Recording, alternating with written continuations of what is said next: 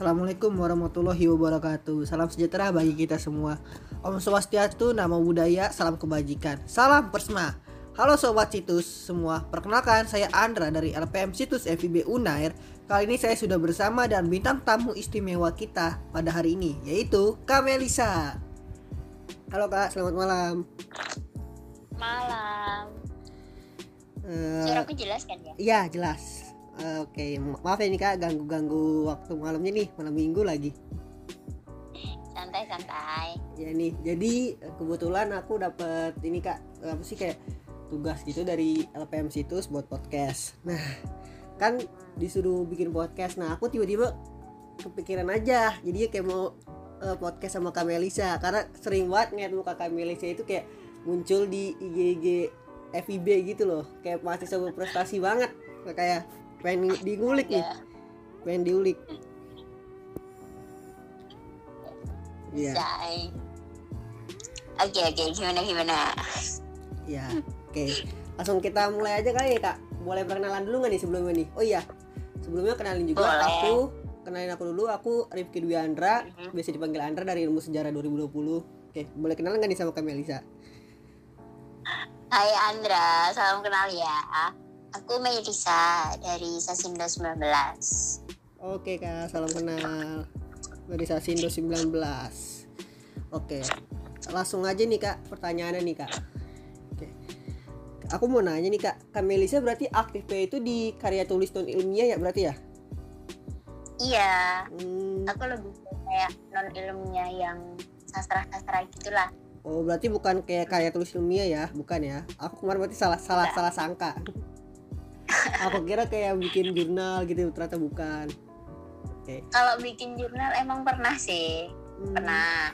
Tapi itu cuma sekali doang. Oh, tapi nggak seaktif yang inilah ya kayak puisi-puisi gitu. Iya, benar-benar. Eh, Ini pak, ada nggak sih kak orang yang menginspirasi kak Melisa nih untuk menulis karya tulis non ilmiah gitu? Orang yang menginspirasi siapa gitu?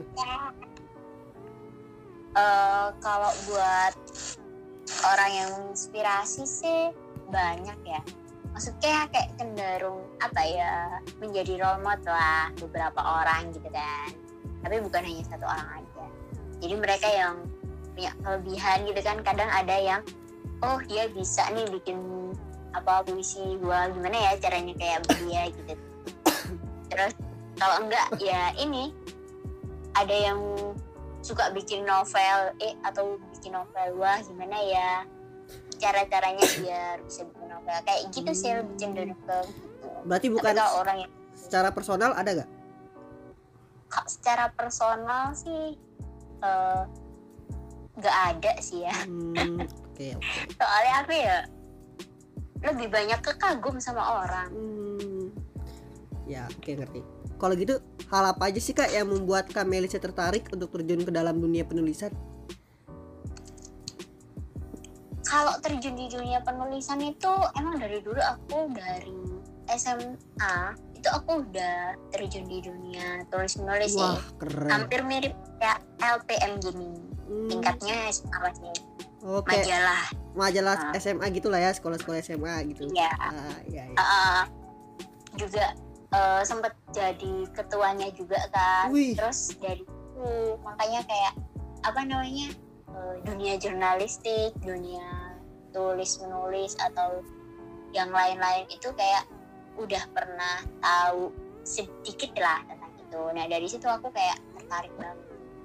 Hmm, sama dulu pernah hmm. aku itu apa di kalau nggak salah kan dulu kan kalau masih SMA itu harusnya mereka main Instagram ya. Kalau aku malah sebaliknya aku malah main Facebook. Main kan Facebook banget. untuk ngapain tuh Kak? Main Facebook terus Tuh, ketemu jual beli barang? poster-poster. Jual beli barang apa gimana? enggak lah Facebook dulu masih belum jual-jualan Oh iya iya. Oh jadi Jadi ketemu. di Facebook. Hmm, jadi di Facebook itu malah isinya itu kayak orang-orang sebar-sebar poster tentang info lomba gitu loh yang Hmm. di itu aku nggak tahu kalau ada ada info lomba kayak gitu jadi dari situ sih aku mulainya dari Facebook. Benar-benar inget banget. Yang hadiahnya cuma es sertifikat sama pulsa lima ribu sepuluh ribu. Itu zaman zaman tahun berapa tuh Kak? SMA berarti? SMA tahun berapa ya pokoknya aku tahun SMA itu lulus tahun 2019 kan. Oh. Masuknya 20 berarti 16 sampai 19 lah. Kayak gitu. Dari Oh. situ sebenarnya. Terus ya wes berlanjut ke asik ya? Ya wes lah diteruskan kayak gitu. Oh berarti berawal dari SMA lah ya? Di kuliah dikembangin Ah. lagi gitu? Oh, oke. Mm-mm. oke. Kak terus mau nanya lagi nih kak. Kenapa sih kak Melisa lebih memilih menulis karya tulis non ilmiah kayak puisi gitu dibandingkan karya tulis ilmiah? Eh ini apa namanya? Ya berawal dari SMA itu tadi kan.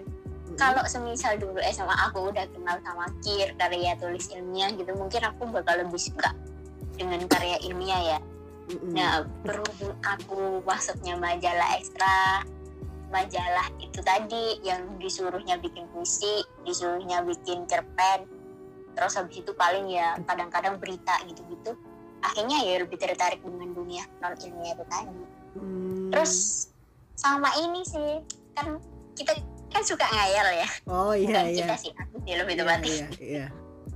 Aku kan suka ngayal gitu kan. Mm. terus dari hayalan-hayalan yang aneh itu eh, lebih gampang buat dituangin dalam karya tulis non ilmiah gitu kan. Oh kayak puisi Kayak gitu-gitu lah ya. misalnya atau cerpen gitu gitu kan bisa sih. iya ngerti. Ngerti nggak mandang harus data gitu-gitu. Iya, dari situ sebenarnya. lebih gampang gitu lah ya untuk menguraikannya. Oh, oke oke oke. Karya tulis ilmiah apa sih kak yang menjadi favorit kam bagi Kak Melisa gitu? Sering banget ditulis gitu. Karya tulis non ilmiah apa? Puisi kalau kah? aku Cerpen kah? Yang paling sering ditulis? ah, ah, ah. biasanya itu lebih ke puisi sih Hmm, puisi. soal iya soalnya puisi itu gini-gini Ungkapan kalau hati. cerpen kan berhalaman-halaman gitu kan Oh iya iya.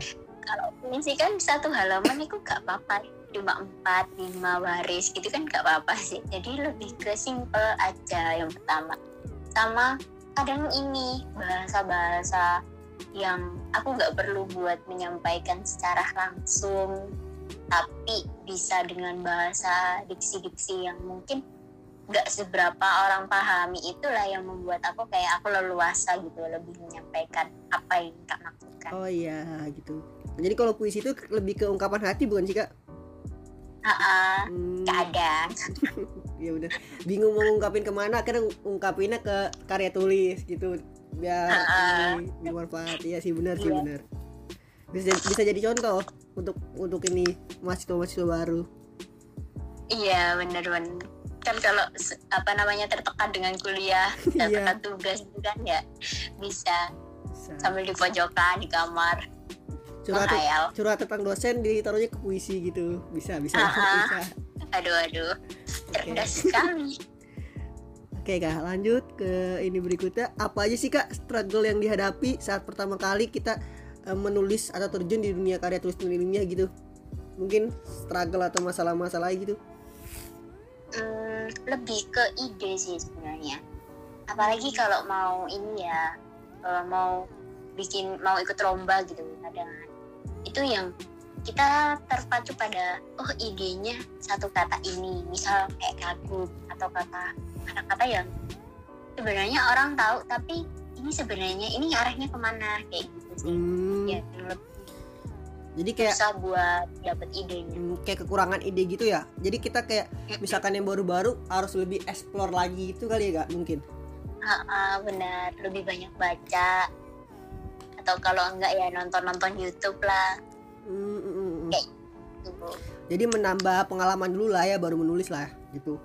Ah, Oke. lebih banyak baca dulu baru nulis Kak Melisa kan berarti udah sering ya kak ikut-ikut lomba lah ya. Sering banget pasti. Soalnya sering banget ngeliat di di poster-poster kayak di IG FIB atau di IG penalaran itu sering banget lihat fotonya Kak Melisa makanya kayak keren banget gitu. Apa aduh kes- mulai kepalaku besar ini. Apa sih kak kesan pertama kali saat mengikuti lomba karya tulis dan ilmiah kak? Untuk pertama kali gitu? kesan pertama kali itu kesel awalnya. Soalnya Oh, aku dulu pertama kali lomba itu inget banget di tahun 2017 kalau nggak salah. Ya ini yang dari Facebook tadi kan yang aku ceritain. Oh, terus setelah itu aku kalah dong tiba-tiba aku kayak aku udah berniat dengan niat sepenuh hati. Eh tiba-tiba ternyata loh kok kalah sih? Gitu. Ya dari situ sih kayak abis itu timbul-timbul hal lainnya. Ya wes lah tak coba lagi tak coba lagi. Macam itu yang buat aku kayak apa namanya perlu nih buat dicari gimana sih caranya supaya kesalahan-kesalahan yang mungkin tak lakuin di awal pertama kali lomba dulu nggak terjadi gitu loh di aku yang lebih ke situ sih dek Hmm. Jadi kayak agak ini ya, ibaratnya kayak pengen ngulang lagi untuk memperbaiki lagi gitu mungkin. Oh, bener Oke. perbaiki lah Jadi ikut lomba itu Iya, nggak apa-apa kali kak untuk pertama kali gagal gitu itu jadi pengalaman aja gitu mungkin ya. iya bener Hmm, soalnya oke. pertama kali itu terus gagal terus ikut lagi terus gagal lagi itu kayak apa ya suatu tamparan lah gitu kok aku gini aja masih belum bisa ya gitu. jadi aku harus mencoba sampai ngukur seberapa sih sampai aku bisanya itu kayak gitu sih di Oke. awalnya Itu pertama kali menang lomba itu kapan tuh kak? Pas tahun 2017 kan langsung menang lomba pertama kali ikut? Apa gimana tuh? kalau lomba lomba yang non ilmiah ya. Iya menang. lomba yang non ilmiah itu aku sekitar tahun 2017 itu dulu Wih, awalnya itu tahun pertama langsung menang. Keren banget. Bakatnya udah dari Eh. SMA berarti? Dari awal SMA iya aku awal SMA Mm-mm. dulu sih ini juaranya itu aku nggak tahu ya dulu itu dapat hidayah apa gitu kan terus menangnya itu di akhir atau di, di- kayak gini lah pertengahan akhir gitu kan. Ikut lomba coba-coba yang tingkat ASEAN kan. Wih. Terus habis itu aku dapat itu juara tiga. Se Asia Tenggara? Ah itu dari beberapa negara kan. Itu- akhirnya hanya itu menang lomba pertama kali tuh kak udah se Asia Tenggara Keren itu yang non ilmiah ya Keren banget. gitu. keren inspirasi buat ini iya itu terus eh, apa namanya yang diikuti kan ada dari Singapura ada dari Malaysia ada Iya. juga yang dari Thailand gitu kan terus itu bebas mau bahasanya pakai bahasa Inggris atau pakai bahasa Indonesia soalnya yang menyelenggarakan memang dari Indonesia gitu kan Hmm. Terus ya udah.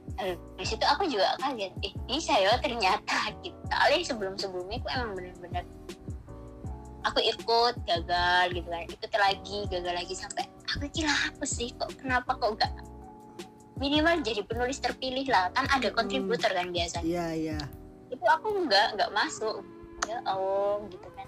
Sungguh ada apa apa yang salah gitu kan terus setelah itu ternyata dapatnya di situ. Aku hal yang ini bener gak sih? Gitu. Ya wis kayak gitu sih lebih ke eh, nggak nyangka aja. Terus setelah itu ya lebih banyak lagi buat coba-coba lainnya. Hmm, soalnya aku penasaran. Tapi udah itu hitungannya udah keren loh kak. Pertama kali nyoba eh pertama kali menangin lomba itu di di lomba Asia loh Asia Tenggara loh pertama kali menangin lomba untuk se- seorang anak SMA itu udah keren loh kak setingkat kota aja anak SMA bisa mungkin udah bisa seneng banget apalagi ini tingkat negara karena itu Keren. lombanya online lewat online kan Hmm. jadi eh, mungkin apa ya namanya dibilang berkesan ya berkesan Mm-mm. tapi kayak nggak nggak apa ya nggak terlihat gitu loh dek. Kan biasanya kan kalau SMA itu mereka lombanya lomba ke sana dikirim ke Oh, iya. sana.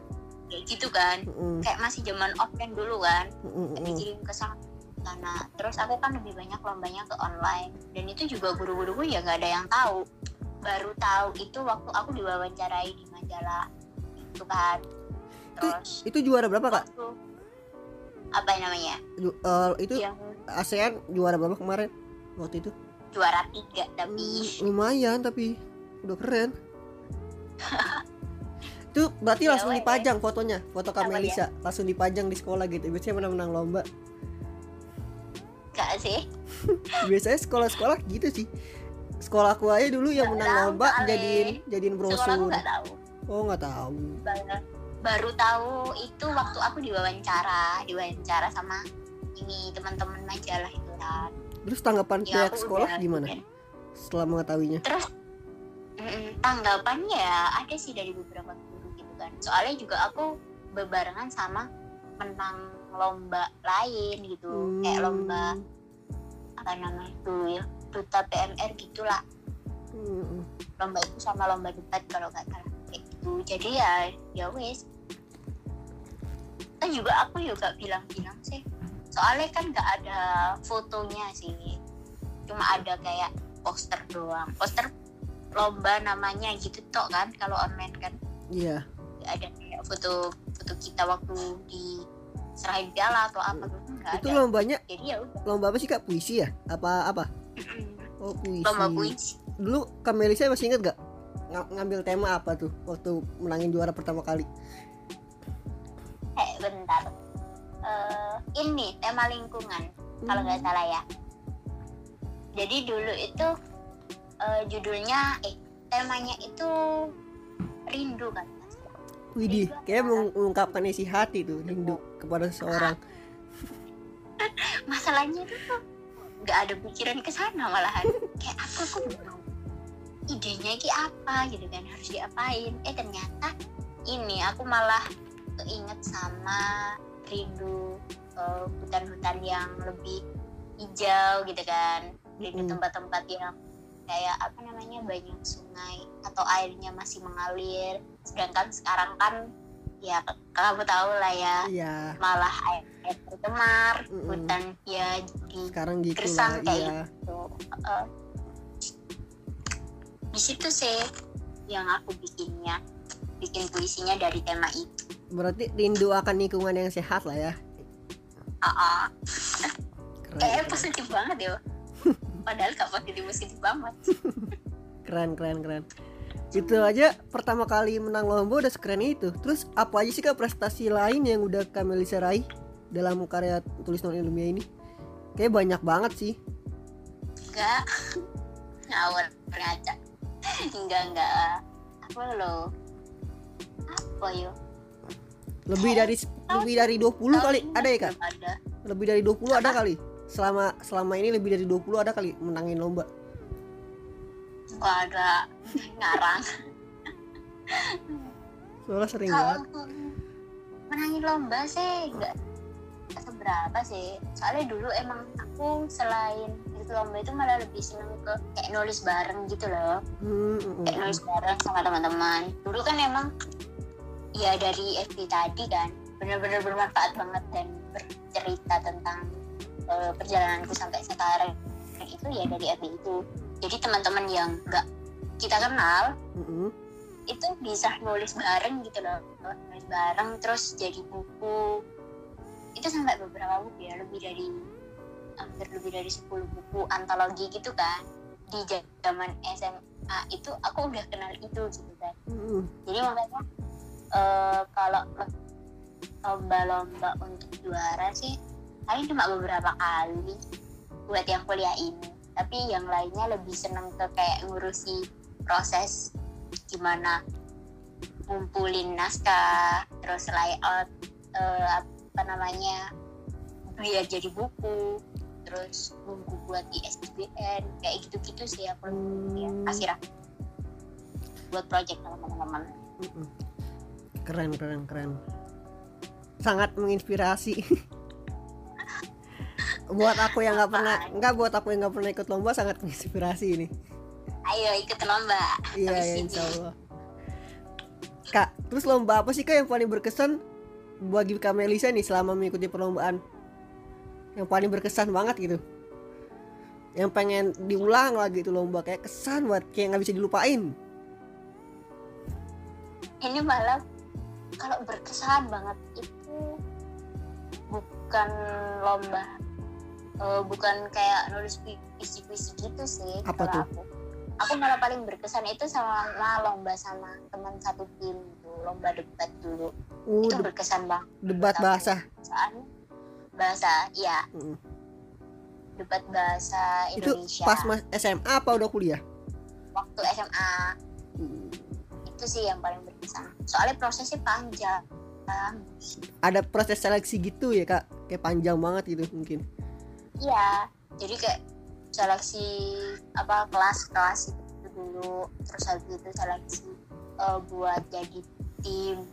Terus buat apa namanya proses ke waktu lombanya kayak gitu. kalau lomba puisi ini lebih keberkesan waktu bikin buku sendiri. Itu lebih berkesan. Wih, udah bikin buku sendiri kak?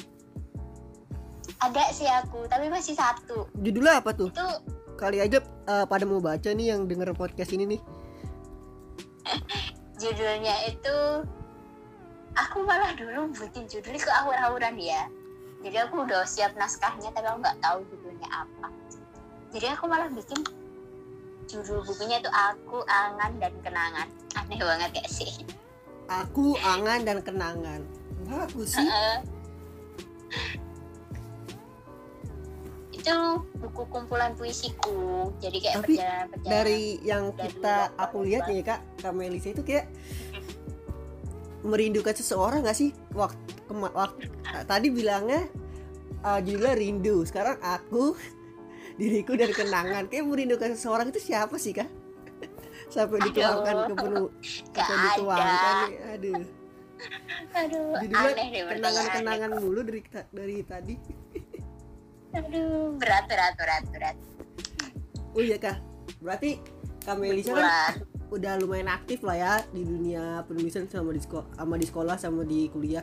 Organisasi apa aja sih kak? Organisasi penulisan yang udah kak Melisa ini ikutin? Organisasi kepenulisan ya?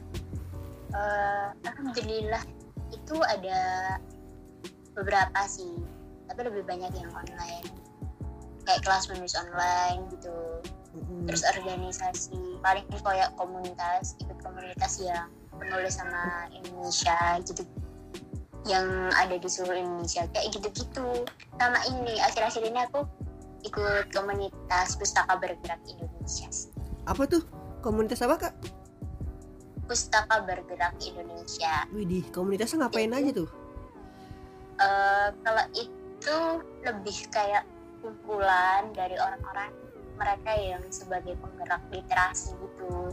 Jadi eh ini berhubungan ya sama apa yang akhir-akhir ini aku geluti tentang apa namanya kayak minat baca anak gitu loh. Iya. Kayak gitu. Atau yang namanya ilalang pustaka itu kan. Ya nanti dari kita bahas situ lagi itu ilang pustaka. Teman-teman jadi dari situ di PBI ini atau Pustaka Bergerak Indonesia ini mereka sebagai penggerak literasi Mm-mm. itu kayak mensosialisasikan bukan mensosialisasikan lebih ke mengajak anak-anak buat kembali lagi ke buku dari yang suka gawai iya dari yang main game main mulu Iya, kayak gitu dari kan main HP Kembali gitu-gitu ayo kembali baca baca, buku ayo gitu. Hmm, iya gitu-gitu. Iya sih kak, soalnya dilihat juga anak-anak zaman sekarang kayak umur 5 tahun, 6 tahun itu mainnya itu udah HP sekarang. bener Iya, bener. jarang yang kayak masih kayak main tradisional atau itu udah jarang bener bener sekarang. jangan-jangan kamu juga ya Aku dulu malah mata minus karena malah pakai kacamata mata minus karena sering baca komik dulu aku tuh. Bukan karena main HP. Tapi kayak ngeliat tetangga gitu kayak umur masih umur 6 tahun, 7 tahun kayak udah masih udah punya tablet sendiri buat anak gitu kayak ngerasa kayak wah udah malah aku baru kecil baru berapa tahun kemarin tuh kayak ngerasa udah beda banget gitu loh sekarang. kayak cep, makin cepet Iya. gitu pertumbuhannya. Heeh, bener-bener Makanya diperluin Soalnya sih mungkin komunitas-komunitas kayak gini nih Kak buat kayak ngajak anak kembali ke inilah jangan terlalu modern banget gitu. Pasti itu kan merugikan juga kan. Emang perlu banget. iya apalagi mata ya Iya, Kan mata. tiap hari harus bukan setiap hari sih malah kayak hitungan jam gitu kan harusnya kan kita kan eh, maksimal dua jam kan buat lihat TV aja maksimal dua jam gitu kan biar matanya nggak sakit ini malah HP-an terus gitu. Iya, seharian. Iya, kasihan mata sebenarnya. Keren, keren. Itu komunitasnya udah udah berapa lama Kak jalannya? kalau itu komunitasnya aku ikut itu baru sebenarnya udah dari dulu sih ikutnya cuma lihat-lihat toh hanya sekedar silent gitu loh. Terus baru benar-benar mau buat ya akhir satu tahun terakhir ini. Baru benar-benar merealisasikan seperti yang teman-teman komunitas yang udah jalan kayak gitu. keren. Berarti setahun akhir ini mulai aktif ya kak di komunitas tersebut ya? Keren, keren, keren.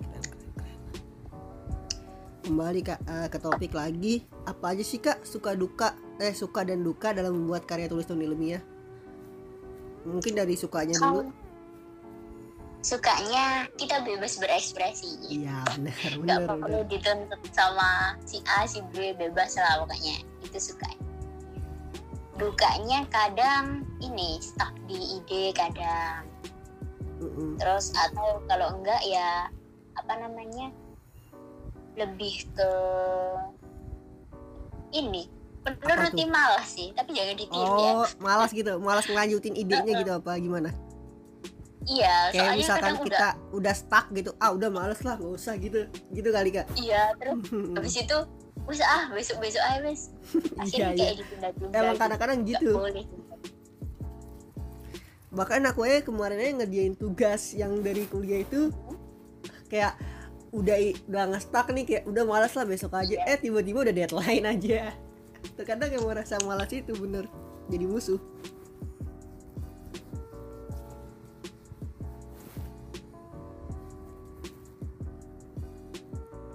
Iya benar-benar Aduh, soalnya malas itu perang.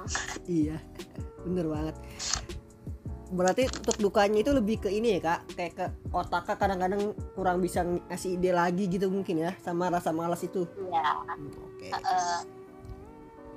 jadi kalau untuk nulis karya tulis ilmiah itu hal apa aja sih kak yang harus dipersiapkan terlebih dahulu? Kalau hal-hal apa yang perlu disiapkan sih hmm, paling catatan ya Hmm. ini soalnya kadang itu kita dapat ide tapi kita itu apa ya mengabaikan gitu loh. Oh iya. Jadi lebih sering harusnya itu dicatat. Biar Nah, nggak itu biar nggak hilang gitu aja lah ya idenya. Dicatat di buku atau dicatat di note HP kayak gitu. Terus habis itu baru kita kembangkan. Meskipun nggak harus langsung jadi sebenarnya. Kalau misal puisi ya puisi kamu bisa nulis eh, dapat idenya ini terus nulisnya cuma satu bait gitu. Itu aja nggak apa-apa gitu. Terus nanti dilanjutin lagi waktu kayak udah ada inspirasi lain. Kayak gitu sebenarnya nggak apa-apa sih. Kalau soalnya emang kalau kak Melisa sendiri tuh bikin puisi itu berapa lama sih kak biasanya? Untuk jadiin satu puisi? Apa sehari langsung jadi apa gimana? Tergantung sih. Tergantung mood juga. Kadang Hmm. kalau lagi moodnya bagus ya bisa sehari langsung jadi nggak harus sehari juga bisa. Itu. Tapi kalau misal apa namanya lagi nggak benar-benar apa ya dapet hidayah. Dapet hidayah. Udah kayak film itu azab. ya kadang eh, ditunda dulu. Ya wis lah besok lagi. Itu tadi. Males kadang iya bener emang malas jadi ini musuh. Ada kak mau nanya lagi nih. Tadi kan udah Iya. dijelasin banyak banget tentang karya tulis tulis non ilmiah. Terus mau Mm-mm. nanya dong kak tips dan trik dari kak Melisa sendiri untuk orang-orang yang baru mau memulai nih untuk menulis karya tulis non ilmiah seperti aku nih. Itu gimana sih kak? Biar bisa jadi ya penulis yang ya bisa dibilang membanggakan lah kayak kak Melisa gitu. Tips kalau untuk tips sama trik sih nggak jauh beda ya. Yang penting itu pertama niat aja dulu. Kalau niat mau bikin ya udah lanjutin. Jangan ditunda-tunda jangan di stick bentar jangan. Tapi langsung aja kalau mau nulis ya udah tulis aja gitu. Apa yang ada di kepalamu langsung tulis. Gitu. Soalnya dari situ eh, kamu bakal terbiasa buat menuangkan apa yang ada dalam pikiranmu buat pemula itu lebih ke penasaran dulu kalau udah punya niat terus sudah punya nah, apa namanya gambaran misal ide langsung tulis. Terus nanti rasa penasarannya itu dirawat. Misal penasaran mau diikutkan lomba penasaran mau dijadikan buku penasaran mau eh, dibaca sama orang lain kira-kira karya aku bagus gak ya gitu. Ya udah dari penasaran penasaran itu yang buat membangkitkan kita buat menulis lagi kayak gitu. Itu sih kalau dari aku. Berarti kita jangan takut. ya yang pemula itu kita harus pokoknya misalkan ada ide apa langsung aja dituangin aja kak. Jadiin rasa penasaran itu sebagai rasa pacuan kita kan untuk para pemula. Iya. Oh ya bener bener oke. Wah, banyak banget nih dapat banyak banget ilmu nih. Oh iya nih kak. Aku dengar dengar nih ya kak tadi juga sempat disebut juga ini tadi nih. Kamelis itu ngediriin namanya itu Ilalang Pustaka ya kak? Iya. Boleh tahu nggak sih kak? S- eh, boleh dikasih tahu nih? Sekilas aja nih tentang apa sih itu program Ilalang Pustaka? Oke, kalau ilalang pustaka sendiri itu sebenarnya yang udah aku singgung tadi ya, iya. Dia itu bergerak eh, di bidang minat baca anak-anak. Jadi kan karena pandemi ini dan aku juga mengalami hal yang sama seperti yang Andra tadi bilang kan, anak-anak di sekitar kita itu lebih cenderung main HP, apalagi sekolah waktu pandemi ini kan Mm-mm. malah benar-benar iya intens banget mereka main gawainya. Nah dari situ sih kayak menurut aku, oh iya, kenapa kok nggak dibalikin lagi gitu ke anak-anak buat suka minimal mereka tahu kalau masih ada buku yang menarik, masih ada cerita yang menarik di balik buku-buku itu. minimal mereka masih mau membaca buku lah ya kak. Nah dari situ akhirnya eh, aku memberanikan diri untuk buat itu di desaku terlebih dahulu desa. Kan aku asal Gresik nih. Hmm, Gresik, desanya ya. itu di desa Mojo Tengah. Jadi di situ eh, aku buat kayak kan belum masih belum ada tempat. Jadi kayak masih ngelapak buku gitu kan kayak jualan buku. Pernah juga disebut kayak gitu. Hmm. terus habis itu tapi itu bacanya ya udah kita narik anak-anak buat baca baca bareng. Itu tuh terus kalau mau pinjem buku ya pinjem itu tuh bacanya itu di rumah Kamelisa apa di mana kak? Kalau boleh tahu. Oh, kalau itu bukan di rumahku sih, lebih Gimana, Bro? ke kan di desaku itu ada tempat ya telaga ya. Telaganya itu kayak ikon dari desaku gitu loh. Hmm, hmm, hmm. Di situ sepi. Nah, aku bikinnya di situ Hmm, oke. buat kesadaran menarik mereka buat ke sana juga. Oke. Motivasi dan alasan Kamelisa sendiri itu untuk membuat program ini apa sih kak? Apakah yang tadi? Motivasinya Iya. apa? Apakah yang tadi kayak mau bikin anak-anak kembali ke baca buku atau ada motivasi lain? Iya, yang pertama itu sih mengembalikan lagi anak-anak buat mereka baca lagi di buku. Terus sama kayak ini sebenarnya motivasi terselubung ya. Apa tuh? Itu sama aku itu suka gitu loh lihat anak-anak yang mereka canda bareng sama temennya, mereka main bareng sama temennya gitu. Jadi kayak, kayak mengingatkanku pada masa aku masih kecil itu sih sambil kayak merawat kenangan Oh Asik. iya benar sih. Kayak ngeliat anak-anak kumpul gitu kayak flashback kita ke masa dulu ya. Iya benar benar benar. Oh iya kak, kalau boleh Iya, tahu kak, bener. kenapa sih kak menamai program tersebut? Ini sebenarnya program atau apa ya? Eh, menamai program tersebut itu dengan nama Ilalang Pustaka gitu. Apa alasannya? Kalau alasannya eh, ilalang pustaka kan kalau pustaka itu kan emang identik dengan perpustakaan Iya, ya atau bener. inspirasi yang baca-baca gitu lah ya tapi kalau yang ilalang ini kan ilalang itu sebenarnya filosofinya eh, rumput liar tapi yang suka ditiup-tiup angin tapi mereka masih bisa berdiri tegak gitu kan Mm-mm. meskipun terombang ambing. Nah dari situ sih kayak harapanku meskipun apa pun masalahnya, apa pun kondisinya, tapi ilalang itu masih eh, diharapkan Oh, masih iya. bisa berdiri gitu kan kayak ilalang kayak rumput-rumput Mm-mm. yang masih kuat diterpa angin. Itu sih sebenarnya. Oh itu. Bener sih kayak ilalang itu kan benar-benar rumput yang kuat lah ya walaupun ada angin atau apa Mm-mm. tetap aja berdiri. Hmm, Benar benar benar benar. Itu kapan sih kak ilalang pustaka berdiri? dan sekarang udah berapa ta udah berapa tahun nih ilalang pustaka? Satu tahun. Wih pas di bulan Juli ini. Kapan tuh? tahun lalu 2020 itu Tanggal? berdiri. tanggal 5 habis ulang Hmm. tahun dong. Oh iya kak Melisa ulang tahun bulan Juli juga ya kalau nggak salah ya? Eh bukan. Kan aku Mei. Mei Oh, iya. bisa Mei lah. Oh iya maaf maaf maaf maaf maaf maaf maafkan kesotoyanku Eh, iya gak apa-apa. Santai-santai. Baru satu tahun. Satu tahun berjalan. Berarti Dalam baru jenis. kemarin ulang tahun lah ya ini programnya. Ya keren. Mm-mm. semoga ah, semakin berjaya kak ilalang pustakanya. Amin. Mau nanya nih kak? Makasih iya kak. Target dari program ini apa sih kak? Dan untuk siapa gitu program ini dilaksanakan kalau Mm-mm. kalau targetnya itu lebih ke anak-anak tapi orang dewasa juga sih gak apa-apa mereka datang gitu.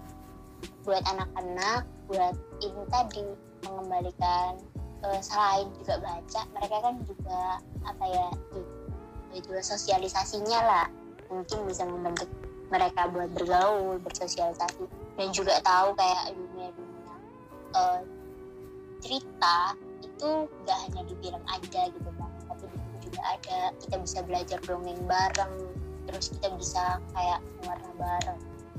Kayak gitu gitu sih. Lebih ke eh, nilai-nilai apa ya eh, moral lah atau nilai-nilai yang bisa meningkatkan karakter. Itu sih. Keren. Terus manfaat dan tujuan dari program ini apa kak manfaat dan tujuannya itu sebenarnya eh, untuk bisa men- menjadikan anak-anak tuh apa ya mereka punya rasa tanggung jawab gitu. Mm-mm. rasa tanggung Mereka jawab terhadap rasa tanggung jawab terhadap eh, apa yang mereka ilmu yang mereka dapatkan kan misal nih Iya. kalau kita membaca kita kan tahu kan eh, bacaan apa yang udah kita baca tadi nah dari situ biasanya ya di teman-teman ilalang ini mereka tuh mereka tuh saling sharing gitu loh Mm, antar satu sama lain. Nah, mereka kan punya tanggung jawab untuk kayak menyampaikan ilmu yang mereka dapatkan, macam kayak gitu. Tapi dengan bahasa yang ya bahasa anak-anak lah. iya Kayak iya gitu. Hmm, keren Sama satu lagi Apa tuh? itu supaya program apa ya kan kita eh, minat baca kan berawal dari hal yang terkecil ya, Iya. lingkupnya keluarga. dari Di atas keluarga. keluarga kan ada pemerintah desa gitu kan. Mm-mm. kalau ingin Indonesia minat bacanya lebih tinggi lagi berarti kan eh, kita sebagai generasi muda kan juga harus menurunkan itu kan Ya, buat iya, minimal benar. di desa kita masing-masing lah Iya, kayak gitu. minimal di lingkungan rumah. Hmm, benar. Jadi ya begitulah ya, jadi untuk ini ya kak, eh, sepertinya aku tangkap itu untuk menanamkan ke generasi berikutnya setelah kita itu membaca itu penting gitu, mungkin ya kak. penting Ha-ha, benar Baca Daripada main penting. gawai terus, mendingan kita baca buku aja gitu. iya Benar benar benar. Salut meski mainnya juga jarang-jarang gak apa-apa Iya, salut sama Kak Melisa. Oh iya kak, mau nanya lagi nih. Maaf kalau nanya terus nih. Eh, iya ini nggak sih gak kak? santai apakah ada kak program selanjutnya atau setelah ini yang akan dilakukan oleh Kak Melisa? Kalau program masih belum ya masih kayak eh, rencana angan-angan dulu sih Mau bikin apa tuh? Angan-angannya. mau mau kembangin ini aja dulu mau kembangin ilalang dengan eh, apa ya aktivitas-aktivitas yang lebih beragam aja itu dulu soalnya kan kita masih daring lagi kan kayaknya semester depan Oh iya, jadi kayak masih ada waktu lah ya di rumah gitu. Eh, di rumah. Kalau program sebelum ilalang, Kak Melisa udah pernah buat apa kak? kalau sebelum ilalang aku lebih ke kayak ikut organisasi kampus sih Hmm, kayak BEM paling UKM gitu band kak dan lain sama LPM juga aku dulu Hmm. tahun lalu ikut LPM Wih keren. Berarti sebelum aku masuk udah kami udah masuk duluan. Keren keren. Kalau Iya, boleh tahu nih kak, ilalang pustaka itu ada ini gak sih kak sosial media gitu biar bisa kita lihat gitu. ada ada Apa tuh? ini kak? Sosial medianya siapa nih Enggak, ilalang pustaka. oh ada ada at ilalang dan pustaka Wih. Coba deh ya nanti Ada. aku lihat-lihat ya abis ini nih. Boleh jangan lupa di follow ya Siap, kayak seru sih kak. Dari nama aja udah seru. Kayak seru sih. Itu berarti boleh buat umum kan ya kak untuk ke ilalang pustaka sendiri. boleh boleh Kalau boleh, teman-teman Hmm. kuliah juga pernah sih yang ke sana gitu kalau boleh tahu kak buku-bukunya PKM ya Ya, buku-bukunya itu da- dapat dari mana ya, Kak? Apakah buku Kamelisa sendiri atau ada sumbangan gitu dari orang? Ada dapat dapat dari, dari donasi juga banyak nih dari teman-teman eh, Sasindo dari teman-teman kenal gitu kan terus mereka tiba-tiba mengirimkan buku ke rumahku gitu buat ilalang lebih dari donasi Keren. Berarti dari sumbangan-sumbangan orang-orang sekitar lah ya. Gitu, keren, keren. Heeh. Oh iya nih Kak. Eh, ini dong Kak, kan kita udah ngobrol panjang lebar banget nih. Udah dapat banyak ilmu banyak banget nih Kak. Eh, kata penutup mungkin Kak dan kesimpulan untuk memotivasi kita semua nih Kak agar bisa terus berkarya walaupun lagi masa pandemi gini. kata closing statement ya Iya, closing statement Hmm. mungkin. kalau dari aku pribadi sih jangan takut buat mencoba ya kan semua hal yang mungkin apa ya remeh-temeh yang aku lakukan tadi itu juga bagian dari hal yang penasaran sama coba-coba gitu kan. Jadi buat teman-teman mungkin yos ayo lagi dicoba aja gitu selagi masih ada kesempatan. Buat hasilnya ya itu biarkan waktu yang menjawab gitu kan buat hasilnya seperti apa. Tapi kita berani mencoba aja itu udah satu langkah Iya. maju terus sama tetap semangat sih buat teman-teman. Kan pandemi itu bukan alasan buat kita berhenti tapi kita bisa membalikan cara atau strategi apa pun untuk melewati masa pandemi dengan hal yang mungkin teman-teman sukai kayak gitu. Dan lebih memperbanyak hobi yang mungkin dulu belum tersentuh saat kita sibuk dengan aktivitas yang sebenarnya. Tapi setelah adanya pandemi ini kita jadi tahu karena lebih banyak apa ya deket sama diri sendiri gitu Ya, lah. ya pandemi ini gitu lah mungkin bisa menjadi sebuah kesempatan ya kak untuk kita menges- mengeksplorasi lebih dalam gitu ya kak mungkin. Eh, bener itu lah lebih ekspor diri. Iya benar wah terima kasih banyak nih kak atas waktunya nih closing statementnya juga keren banget. Ilmunya juga keren banget. Sangat bermanfaat. Bisa menjadi sama-sama. suatu apa sih kayak art- eh, pacuan juga sendiri nih buat aku yang belum pernah ikut lomba yang masih kayak awam banget di dunia penulisan gitu. Bisa jadi pacuan sendiri nih sumpah. Keren keren sekali lagi. Iya makasih. Iya terima kasih banyak ya kak sudah mau menyempatkan waktunya untuk hadir di acara podcast LPM situs kali ini kak Iya sama-sama makasih juga ya buat teman-teman LPM Situs yang udah kasih kesempatan aku buat hadir di podcast ini. Kalau ada salah kata mungkin ya eh, mohon dimaafkan. Juga Andra mungkin aku ada salah ceplos atau salahnya. Mohon maaf ya. Iya kak terima kasih banyak ya sampai Ya, jumpa di lain waktu kak selamat ya, jaga malam kesehatan ya. iya selamat malam Malam.